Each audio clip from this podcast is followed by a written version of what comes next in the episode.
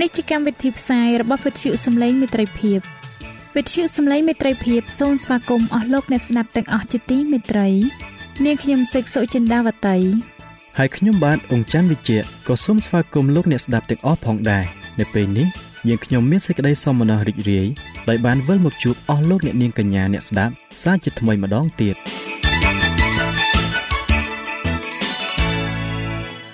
នាងខ្ញុំសេកសុចិន្តាវតី សូមជម្រាបជូនកម្មវិធីផ្សាយដែលមានជាបន្តបន្ទាប់ដូចតទៅនេតិបទទំនាយនិងប្រវត្តិសាស្ត្រនេតិស្ពានជីវិត ចា៎លោកអ្នកស្ដាប់ជាទីមេត្រី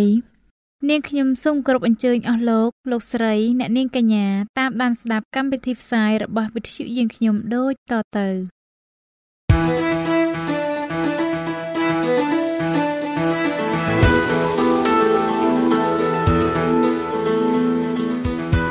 សូមជូននីតិបទទំនាយនិងប្រវត្តិសាស្ត្រ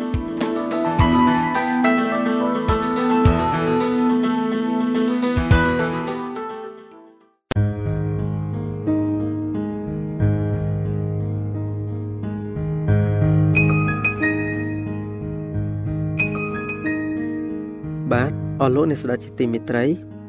ខ្ញុំបាទសូមជម្រាបសួរដល់អស់លោកអ្នកនាងទាំងអស់គ្នា សូមឲ្យលោកអ្នកបានប្រកបដោយព្រះពរតាមរយៈមេរៀននៅពេលនេះ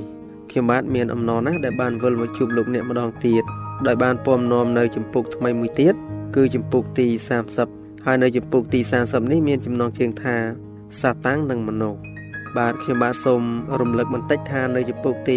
29កាលពីលើកមុនលោកអ្នកបានស្ដាប់អំពីដើមកំណើតរបស់អំពើបាបគឺការចេញអំពីចិត្តលោភលន់និងការមិនស្ដាប់បង្គាប់របស់ Lucifer ឬហៅថាសាតាំង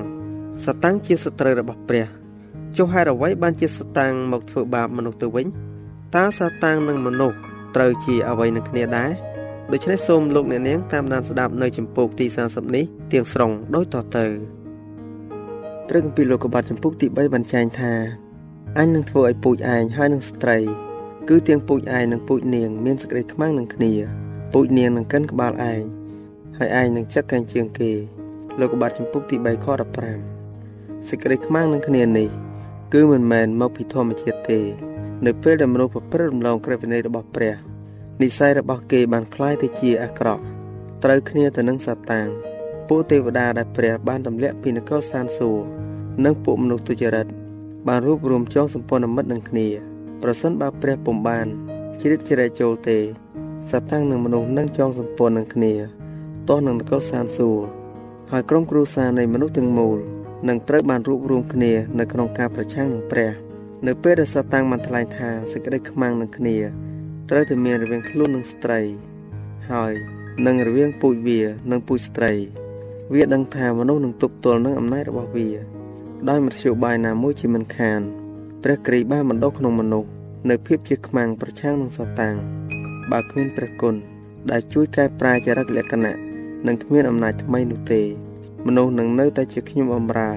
ធ្វើតាមសេចក្តីបញ្ជារបស់សតាំងជាដរាបប៉ុន្តែកន្លងធរថ្មីនៅក្នុងមនុស្សបង្កើតឲ្យមានការប៉ះទង្គិចចំពោះអំណាចដែលព្រះបានប្រទានឲ្យនោះធ្វើឲ្យមនុស្សអាចទប់ទល់និងមេប្រាអំណាចដាច់ការបាន ការស្អប់ខ្ពើមអំពើបាប ជាជាងការស្រឡាញ់អំពើបាប គឺជាការបង្ហាញកន្លងធម៌មកពីនគរស្ថានសួគ៌ទាំងស្រុងការប្រឆាំងគ្នារវាងព្រះគ្រីស្ទនិងសាតាំង បានបង្ហាញយ៉ាងច្បាស់អស្ចារ្យនៅក្នុងការដែលពិភពលោកទទួលព្រះគ្រីស្ទភាពរខ្យល់និងភាពបរិសុទ្ធនៃព្រះគ្រីស្ទបានធ្វើឲ្យអ្នកឥតព្រះនៅក្នុងខ្លួនស្អប់ទ្រង់សេចក្តីលះបង់របស់ទ្រង់បានជាសេចក្តីបន្ទោសជានិរន្តរ៍ដល់មនុស្សអួតអាង និងមនុស្សប្រកបដោយដំណេកសាតាំងនិងទេវតាអាក្រក់បានសាមគ្គីជាមួយនឹងមនុស្សទុច្ចរិតទាស់នឹងព្រះដែលជាអ្នកមានជ័យជំនះខាងសេចក្តីពិតភាពជាខ្មាំងដូចគ្នានេះ ក៏បានសម្ដែងដល់ពួកគ្រីបរិស័ទដែរអ្នកណាដែលទប់ទល់នឹងសេចក្តីល្បួងបាន អ្នកនោះនឹងរំជួលកំហឹងរបស់សាតាំងហើយព្រះគ្រីស្ទនិងសាតាំងមិនអាចត្រូវគ្នាបានឡើយអស់អ្នកណាដែលចង់រស់ដោយប្រតិបត្តិតាមព្រះយេស៊ូវគ្រីស្ទនោះនឹងត្រូវមានសេចក្តីបៀតបៀនដែរទីម៉ូថេទី2ចំពុកទី3ខ12ភ្នាក់ងាររបស់សាតាំងស្វែងរកមធ្យោបាយដើម្បីបញ្ឆោតអ្នកដើរតាមព្រះគ្រីស្ទ និងទាក់ទាញចិត្តគេ ចេញពីសេចក្តីស្មោះស្ម័គ្រគេបានវង្វេងនៃបទកម្ពីដើម្បីសម្រេចគោលបំណងរបស់ខ្លួនវិញ្ញាណដែលធ្វើកុដព្រះគ្រីស្ទទាញមនុស្សទុច្ចរិតឲ្យបំផ្លាញអ្នកដើរតាមទ្រង់ការអស់ទាំងនេះ គឺបានទស្សទាយនៅក្នុងបទទំនាយផ្នែកខាងដើមដែលថាអញនឹងធ្វើឲ្យពូជឯងហើយនឹងស្ត្រី គឺទាំងពូជឯងនិងពូជនាង មានសេចក្តីខ្មាំងនឹងគ្នាហេតុអ្វីបានជាសតាំងមិនពិសោធន៍ ការដែលគេជំនះនឹងវាដ៏ខ្លាំងជាងនេះទៅទៀតនោះពីព្រោះកងទាហានរបស់ព្រះគ្រីស្ទមានការតាក់ទងពិតប្រាកដតិចតួចណាស់ជាមួយនឹងព្រះគ្រីស្ទគេមិនបានស្អកខ្ពើមអំពើបាបដោយព្រះបរមគ្រូរបស់ខ្លួនទេ គេពុំបានខិតខំប្រឹងជំនះអំពើបាបនោះឡើយម្ល៉េះហើយគេមើលមិនឃើញទល់តែសោះនៅចរិតលក្ខណៈរបស់ស្ដេចនៃសេចក្តីងងឹតមនុស្សទាំងឡាយឥតបានដឹងទេថាសត្រូវរបស់ខ្លួនគឺជាមេតបដ៏ខ្លាំងពូកែ ដែលកំពុងតែធ្វើសង្គ្រាមជាមួយនឹងព្រះគ្រីស្ទសូម្បីតែគ្រូផ្សាយដំណឹងល្អក៏មើលរំលងផុសតាងនៃសកម្មភាពរបស់វាដែរគេហាក់បីដូចជាមិនអើពើនឹងវត្តមានរបស់វាតែម្ដងសត្រូវដែលចាំឃ្លាំមើលនេះជ្រៀតជ្រែកចូលគ្រប់ទាំងផ្ទះសម្បែងគ្រប់ទាំងផ្លូវក្នុងក្រុមជំនុំក្នុងក្រុមប្រឹក្សាជាតិនិងក្នុងតឡាការវាធ្វើឲ្យគេស្មុគស្មាញវាបញ្ឆោតនិងលួងលោមបំផ្លាញ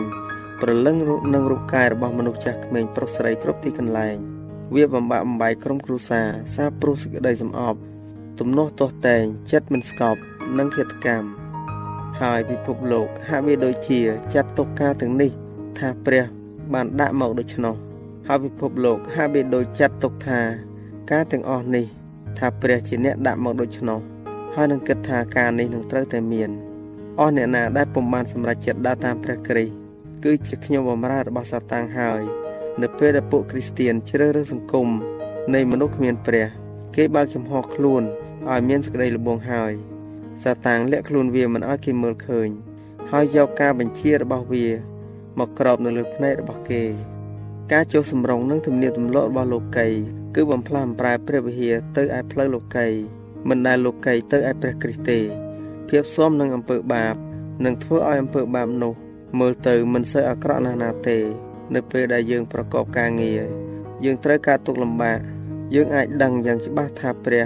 នឹងការពារយើងប៉ុន្តែបើយើងដាក់ខ្លួនក្រោមសេចក្តីល្បងវិញ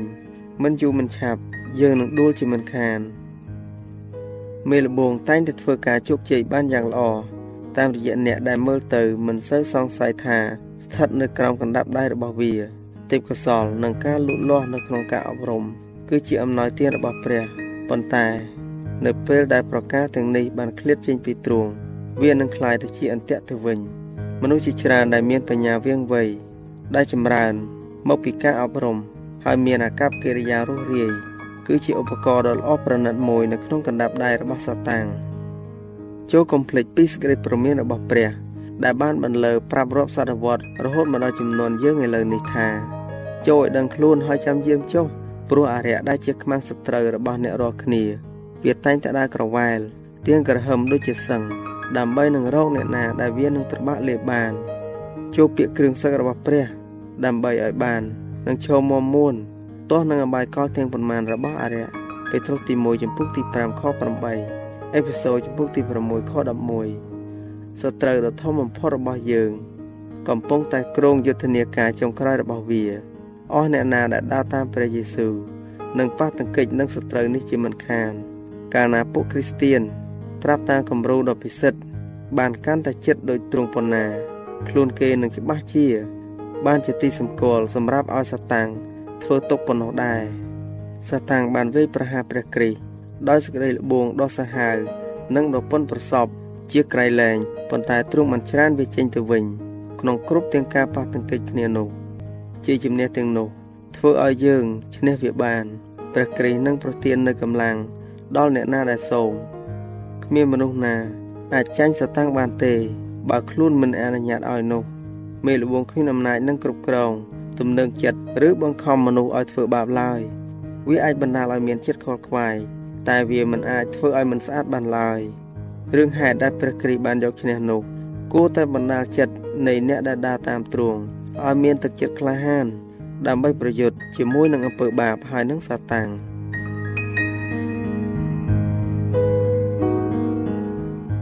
ចា៎ដោយពេលវេលាមានកំណត់យើងខ្ញុំសូមអនុទីបទទំនាយនិងប្រវត្តិសាស្ត្រត្រឹមតែប៉ុណ្ណឹងសិនចុះដោយសន្យាថានឹងលើកយកនីតិនេះមកជម្រាបជូនជាបន្តទៀតនៅថ្ងៃអង្គារសប្តាហ៍ក្រោយ សូមអរគុណ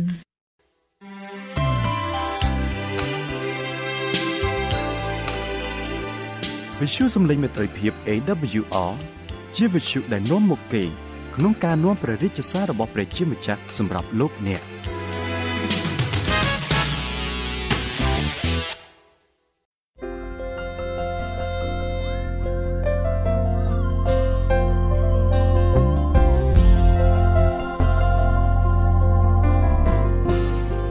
ខ្ញុំបាទសូមជម្រាបសួរអរលោកអ្នកស្ដាប់ជាទីមេត្រី សូមឲ្យលោកអ្នកបានប្រកបដោយព្រះគុណនិងសេចក្តីសុខសាន្តពីព្រះវរបិតានៃយើង និងពីព្រះម្ចាស់យេស៊ូវគ្រីស្ទខ្ញុំបាទមានអំណរណាស់ដែលបានវិលមកជួបលោកអ្នកនាងសាជាថ្មីនៅក្នុងនីតិស្ពានជីវិតនេះម្ដងទៀតបាទហើយនៅថ្ងៃនេះដែរខ្ញុំបាទសូមលើកយកមេរៀនទី8ដែលមានចំណងជើងថាសេចក្តីស្លាប់និងវិញ្ញាណក្ខន្ធបាទតើហេតុអ្វីបានជាមានសេចក្តីស្លាប់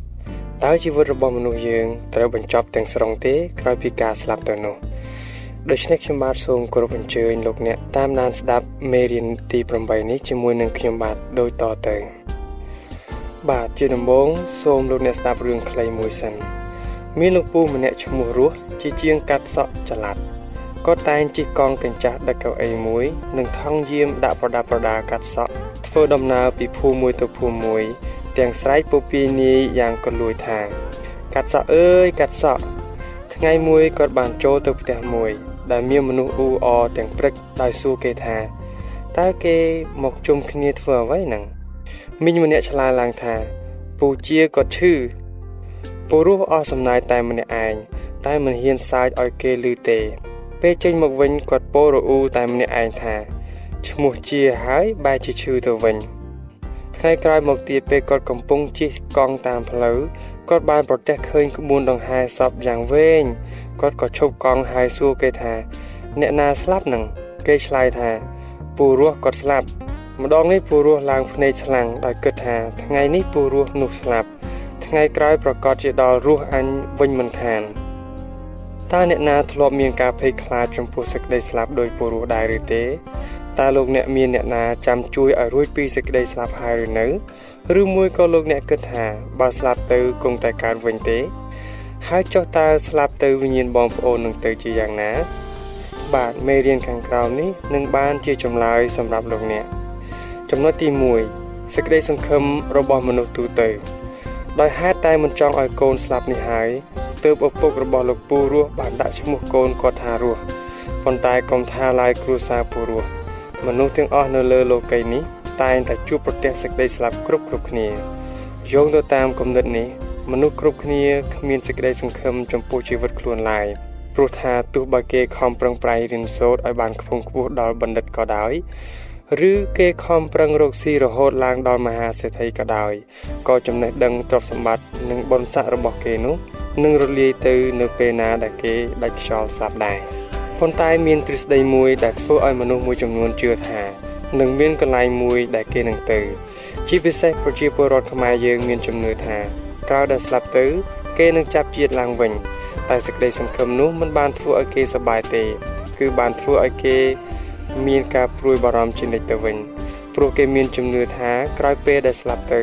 គេនឹងចាប់ជាតិថ្មីឡើងវិញដោយមានស្ថានភាពជីវិតដូចជាតិនេះល្អប្រសើរជាងជាតិនេះ ឬលំបាកវេទនាជាងជាតិនេះឬមួយក៏ធ្លាក់ទៅឯឋាននរកឯណោះក៏មិនដឹង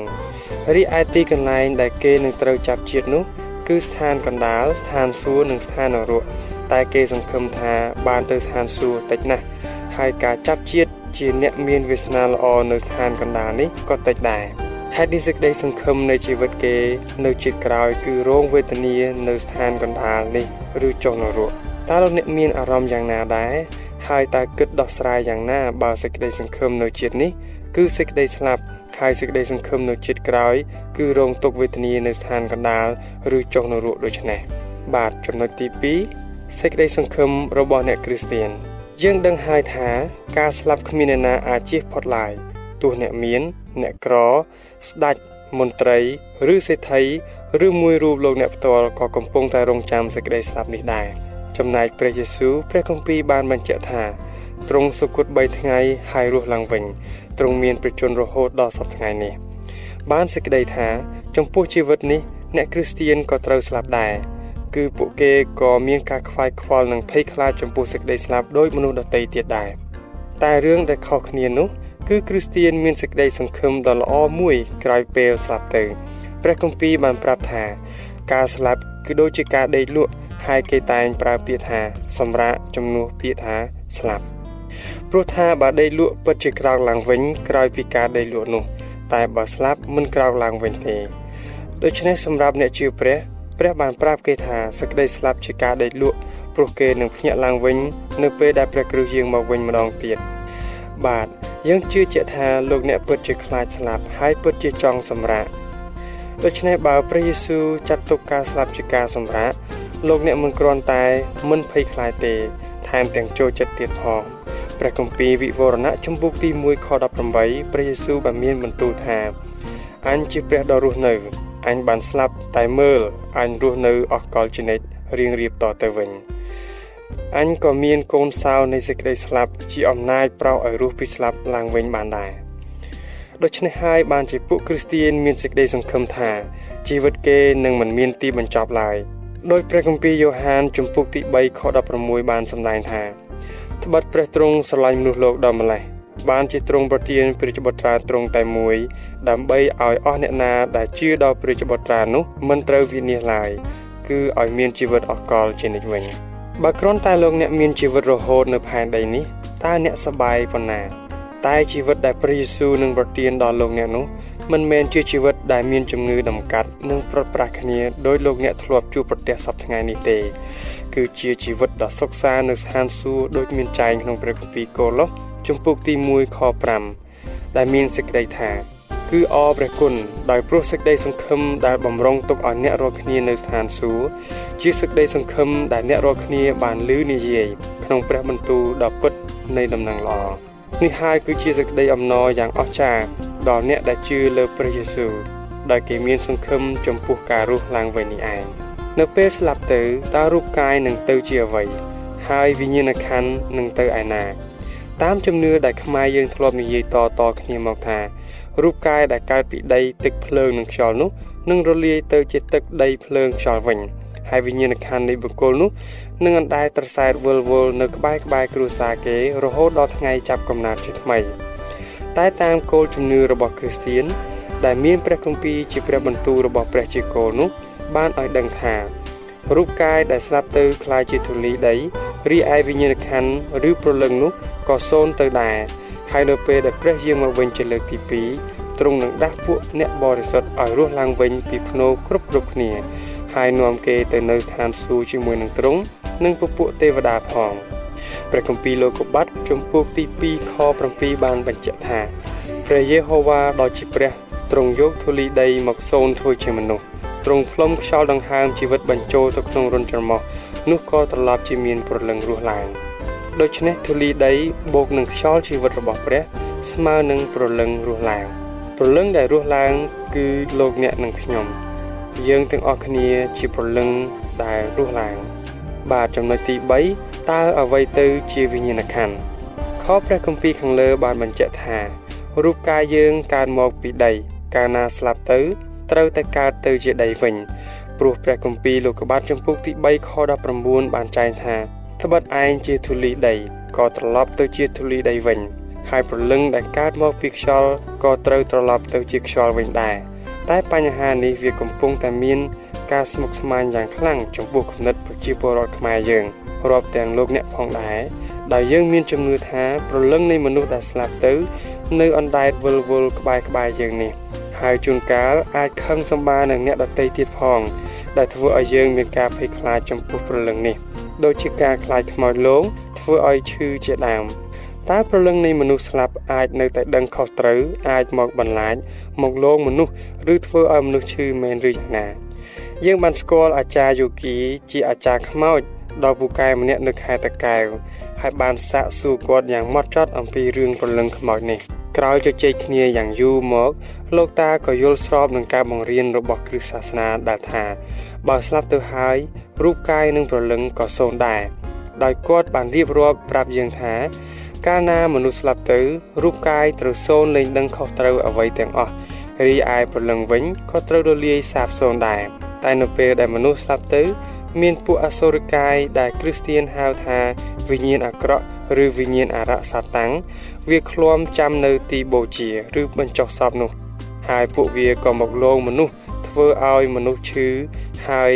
វាអះអាងថាជាព្រលឹងរបស់អ្នកដែលស្លាប់នោះលោកតាបានប្រាប់យើងថាការដែលអ្នកស្រុកចូលចិត្តយកគាត់ធ្វើអាចារ្យខ្មោចនោះព្រោះគាត់ពូកែពាត់សីមាមិនឲ្យពួកអសូរិកាយនេះមកយាយីគេបាន ហើយវិធីពាត់សីមាដែលគាត់ប្រើនោះគឺគាត់សូត្រនមោគឺជាព្យញ្ជនៈខ្មែរបុរាណ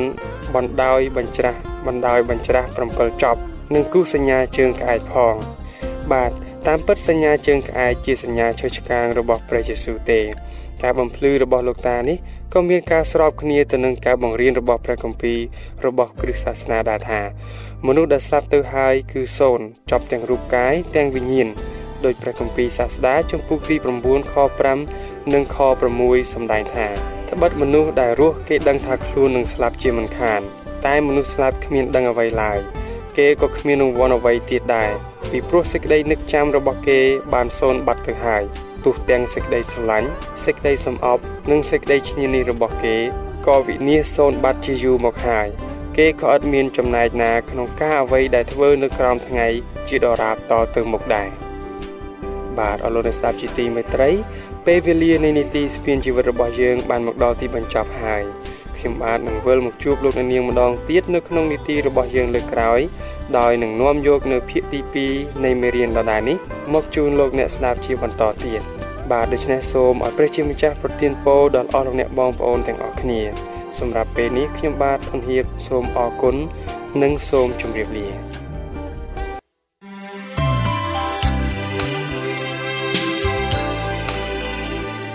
វិទ្យុសំឡេងមេត្រីភាព AWR មានផ្សាយពីរដងក្នុងមួយថ្ងៃ គឺព្រឹកនៅម៉ោង6និងពេលយប់នៅម៉ោង8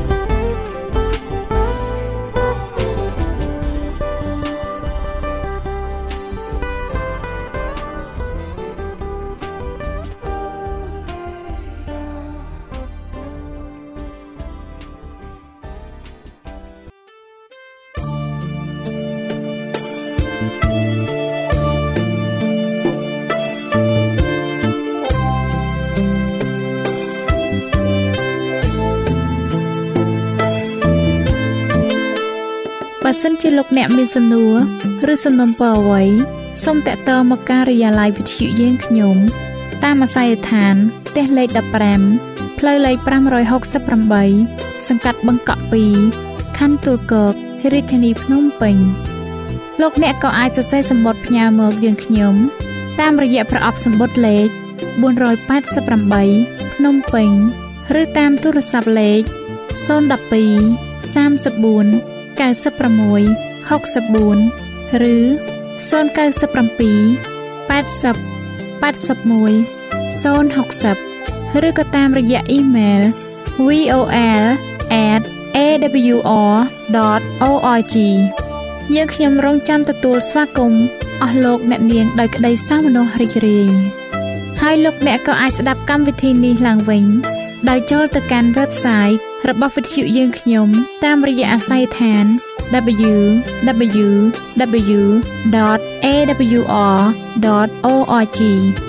លោកអ្នកនាងកញ្ញាជាទីមេត្រី កម្មវិធីផ្សាយរបស់វិទ្យុសំឡេងមេត្រីភាពនៅពេលនេះសូមបញ្ចប់តែប៉ុណ្ណេះយើងខ្ញុំសូមអរគុណចំពោះការតាមដានស្ដាប់របស់អស់លោកអ្នកតាំងពីដើមរហូតដល់ចប់យើងខ្ញុំសូមជូនពរឲ្យអស់លោកអ្នកនាងកញ្ញាទាំងអស់ បានចម្រើនឡើងក្នុងព្រះគុណព្រះអង្គម្ចាស់ហើយក្នុងការទទួលយកព្រះយេស៊ូវគ្រីស្ទជាព្រះអង្គម្ចាស់និងជាព្រះអង្គសង្គ្រោះនៃយើងរាល់គ្នានាទីផ្សាយរបស់វិទ្យុយើងខ្ញុំនឹងវិលមកជួបអស់លោកអ្នកសាជាថ្មីម្ដងទៀតនៅថ្ងៃស្អែកវេលាម៉ោងដដែលនាងខ្ញុំសេកសុចិន្តាវតីនិងខ្ញុំបាទអ៊ំច័ន្ទវិជ្ជៈសូមអរគុណសូមជម្រាបលា